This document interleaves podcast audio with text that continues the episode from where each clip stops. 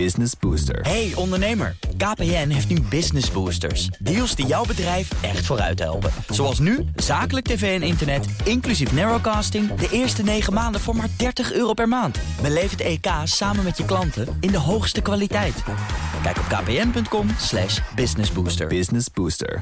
Dit is de Oekraïne Ochtend Update. Mijn naam is Geert-Jan Haan. En ik ben Bernard Hammelburg. We praten hierbij over de laatste ontwikkelingen in Oekraïne. En de gevolgen voor en de reacties van de buitenwereld. Je vindt deze podcast in je favoriete podcast-app. Het blijkt nu dat de, het echte offensief, het grote offensief van de Oekraïners nu echt aan het doorzetten is. Russische strijdkrachten melden althans grootschalige gevechten in de Oekraïnse regio Zaporizhia.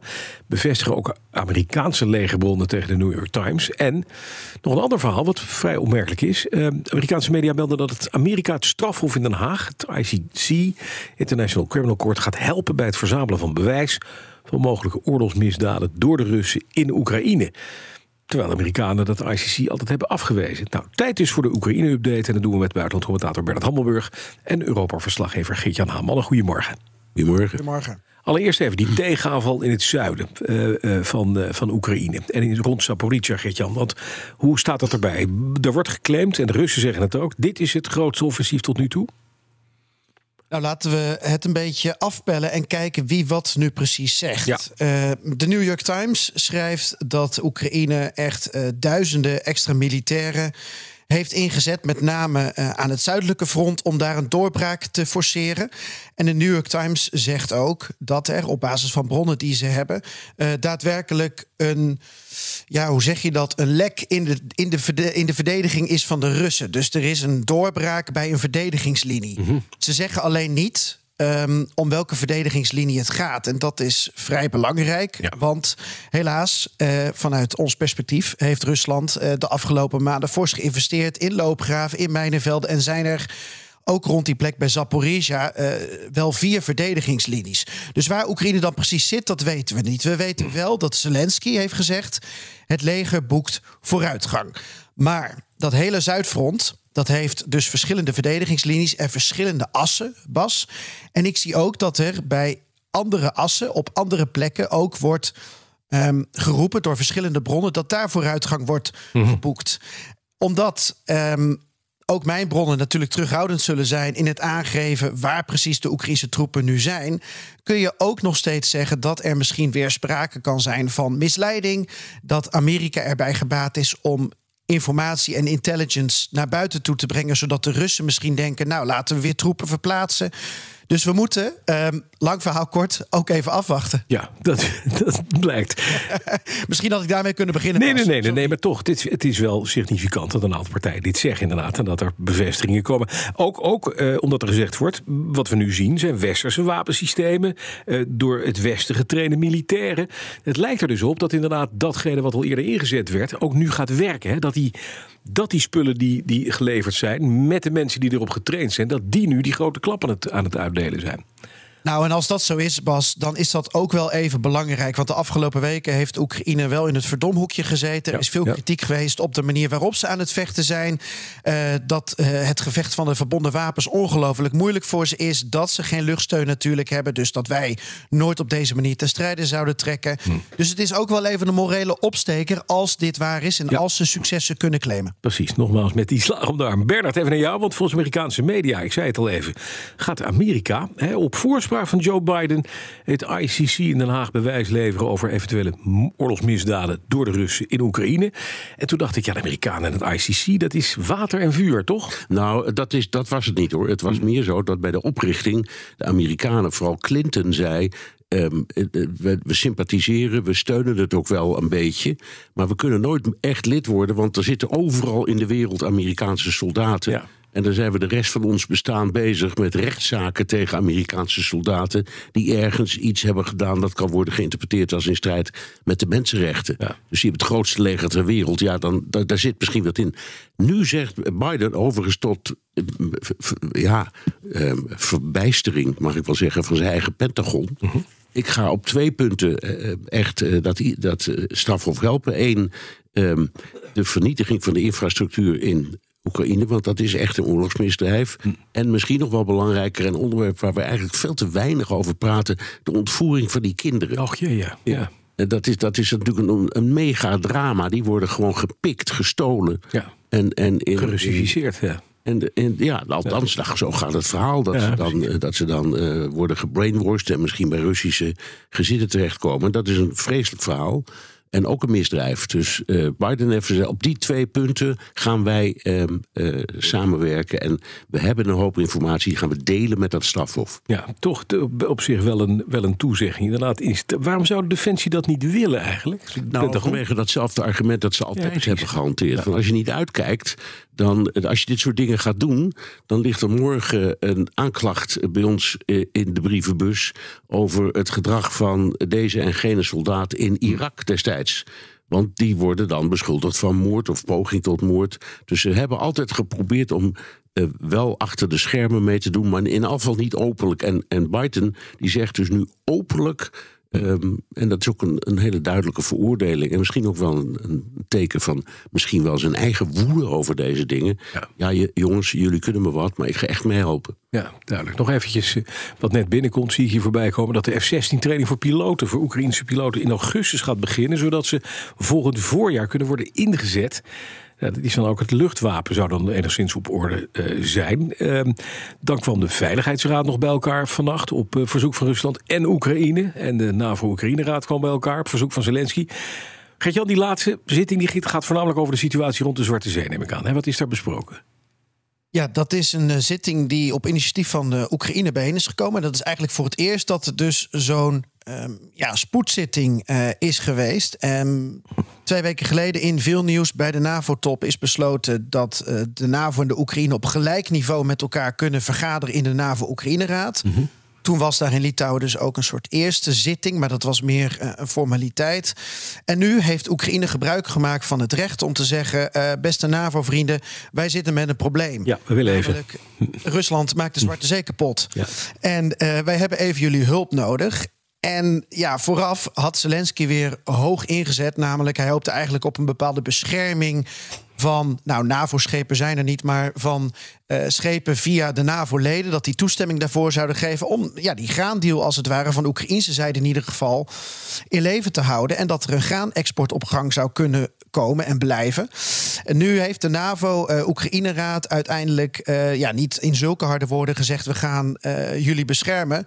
Ze hebben vooral gezegd: we gaan meer eh, patrouilleren, meer surveilleren. En met name rond het gebied van de exclusieve economische zone van Bulgarije. Nou, de Zwarte Zee is opgedeeld in allerlei soorten wateren. Je hebt internationale wateren. En eh, voor de kust van een aantal landen zit dan weer een, een eigen water. En dat is wat in feite ehm, uit die raad is gekomen. Dus misschien niet zoveel. eh, als Oekraïne weer had gehoopt. En, en niet zoveel waar ze wat aan hebben, als je eerlijk bent.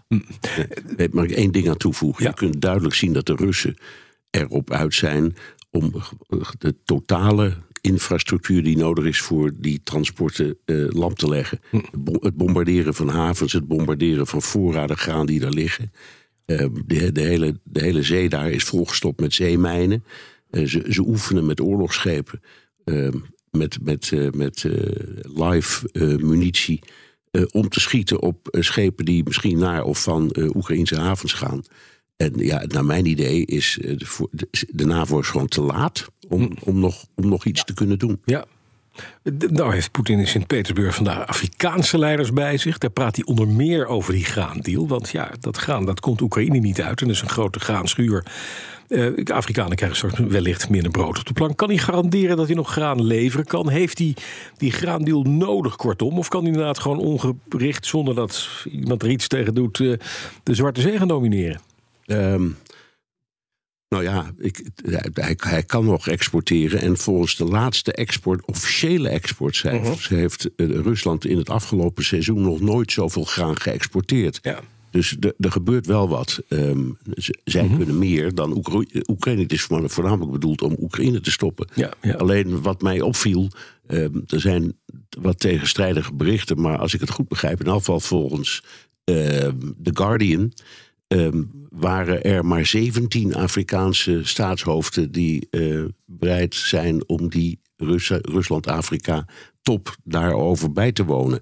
En er zijn 55 leden van de, eh, de Afrikaanse Unie. Ja. Dus dat laat ook wel een beetje zien dat die Afrikaanse landen de pest in hebben over eh, wat Rusland nu aan het doen is in het eh, ja, eh, totaal ehm, militariseren van die hele route. Ja. En- dat stoort, stoort ze zeer en gelijk hebben ze. En Bernhard, ik- ik- mijn gevoel is dat iedereen even aan het kijken is naar Erdogan.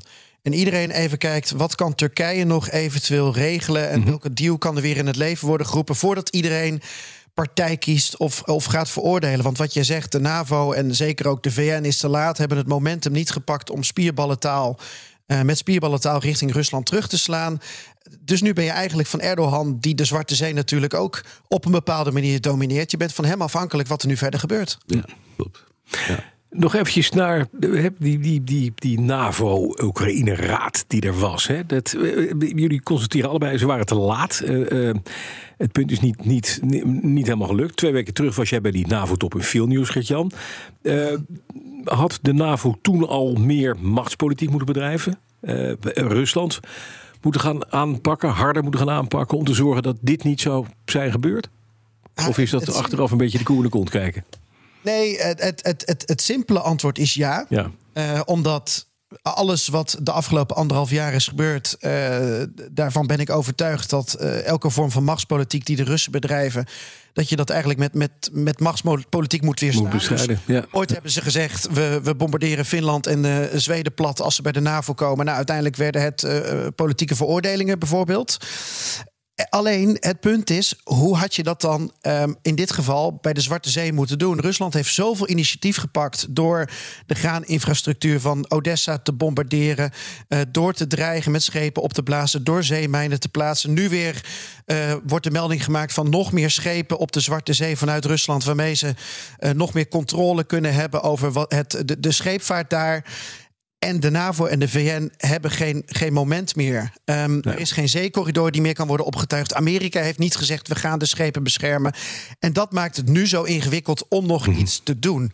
En eh, ja, ik weet niet of Bernard dan een oplossing heeft. Ja, maar, ik- ik, hoorde- het niet. En dat is het probleem. Ik hoorde de naam Erdogan al voorbij komen, Bernard. Moeten we daar naar kijken, naar, eh, naar Nou, Rajib? Eer- eer- eerlijk gezegd wel. Want Ja. laten, we, laten we eerlijk wezen, die, de, de graandeel is tot stand gekomen door Mhm. zijn, zijn inzet destijds samen met Guterres van de, van de VN. Ere zij wie ere toekomt.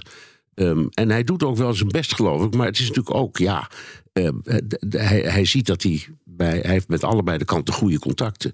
Maar hij ziet dat hij bij de Russen wat dat betreft niet al te veel eh, indruk maakt. Blijkelijk. Het enige machtsmiddel heeft, die- dat hij nog heeft, is dat, heel, dat oeroude verdrag van Montreux. Dus officieel gaat hij over, ja, nou, ja, gaat hij over het, het, het scheepvaartverkeer in de Bosporus en de, omgeven, en de omgevende wateren.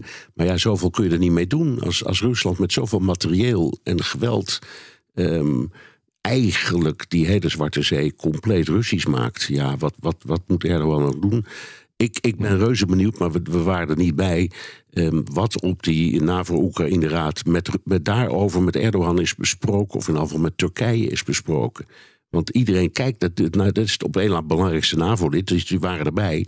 Ik weet niet hoe dat gesprek is gelopen, maar ik ben ervan overtuigd dat iedereen tegen Erdogan zei: joh, kan jij niet Doe eens een poging. poging doen? Ja, precies. Ja. Er staat niks over in de notulen. Nee. Nee. Helaas. Nee, helaas. Ja, weet je, tot slot. eh, Erdogan had vorige week natuurlijk ook wat actiever zijn best kunnen doen. Hm.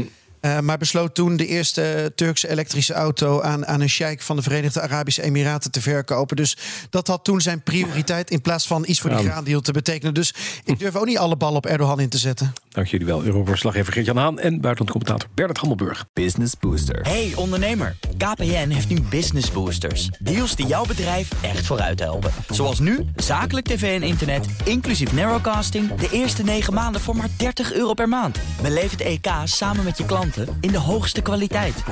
Kijk op kpn.com slash businessbooster. Business Booster.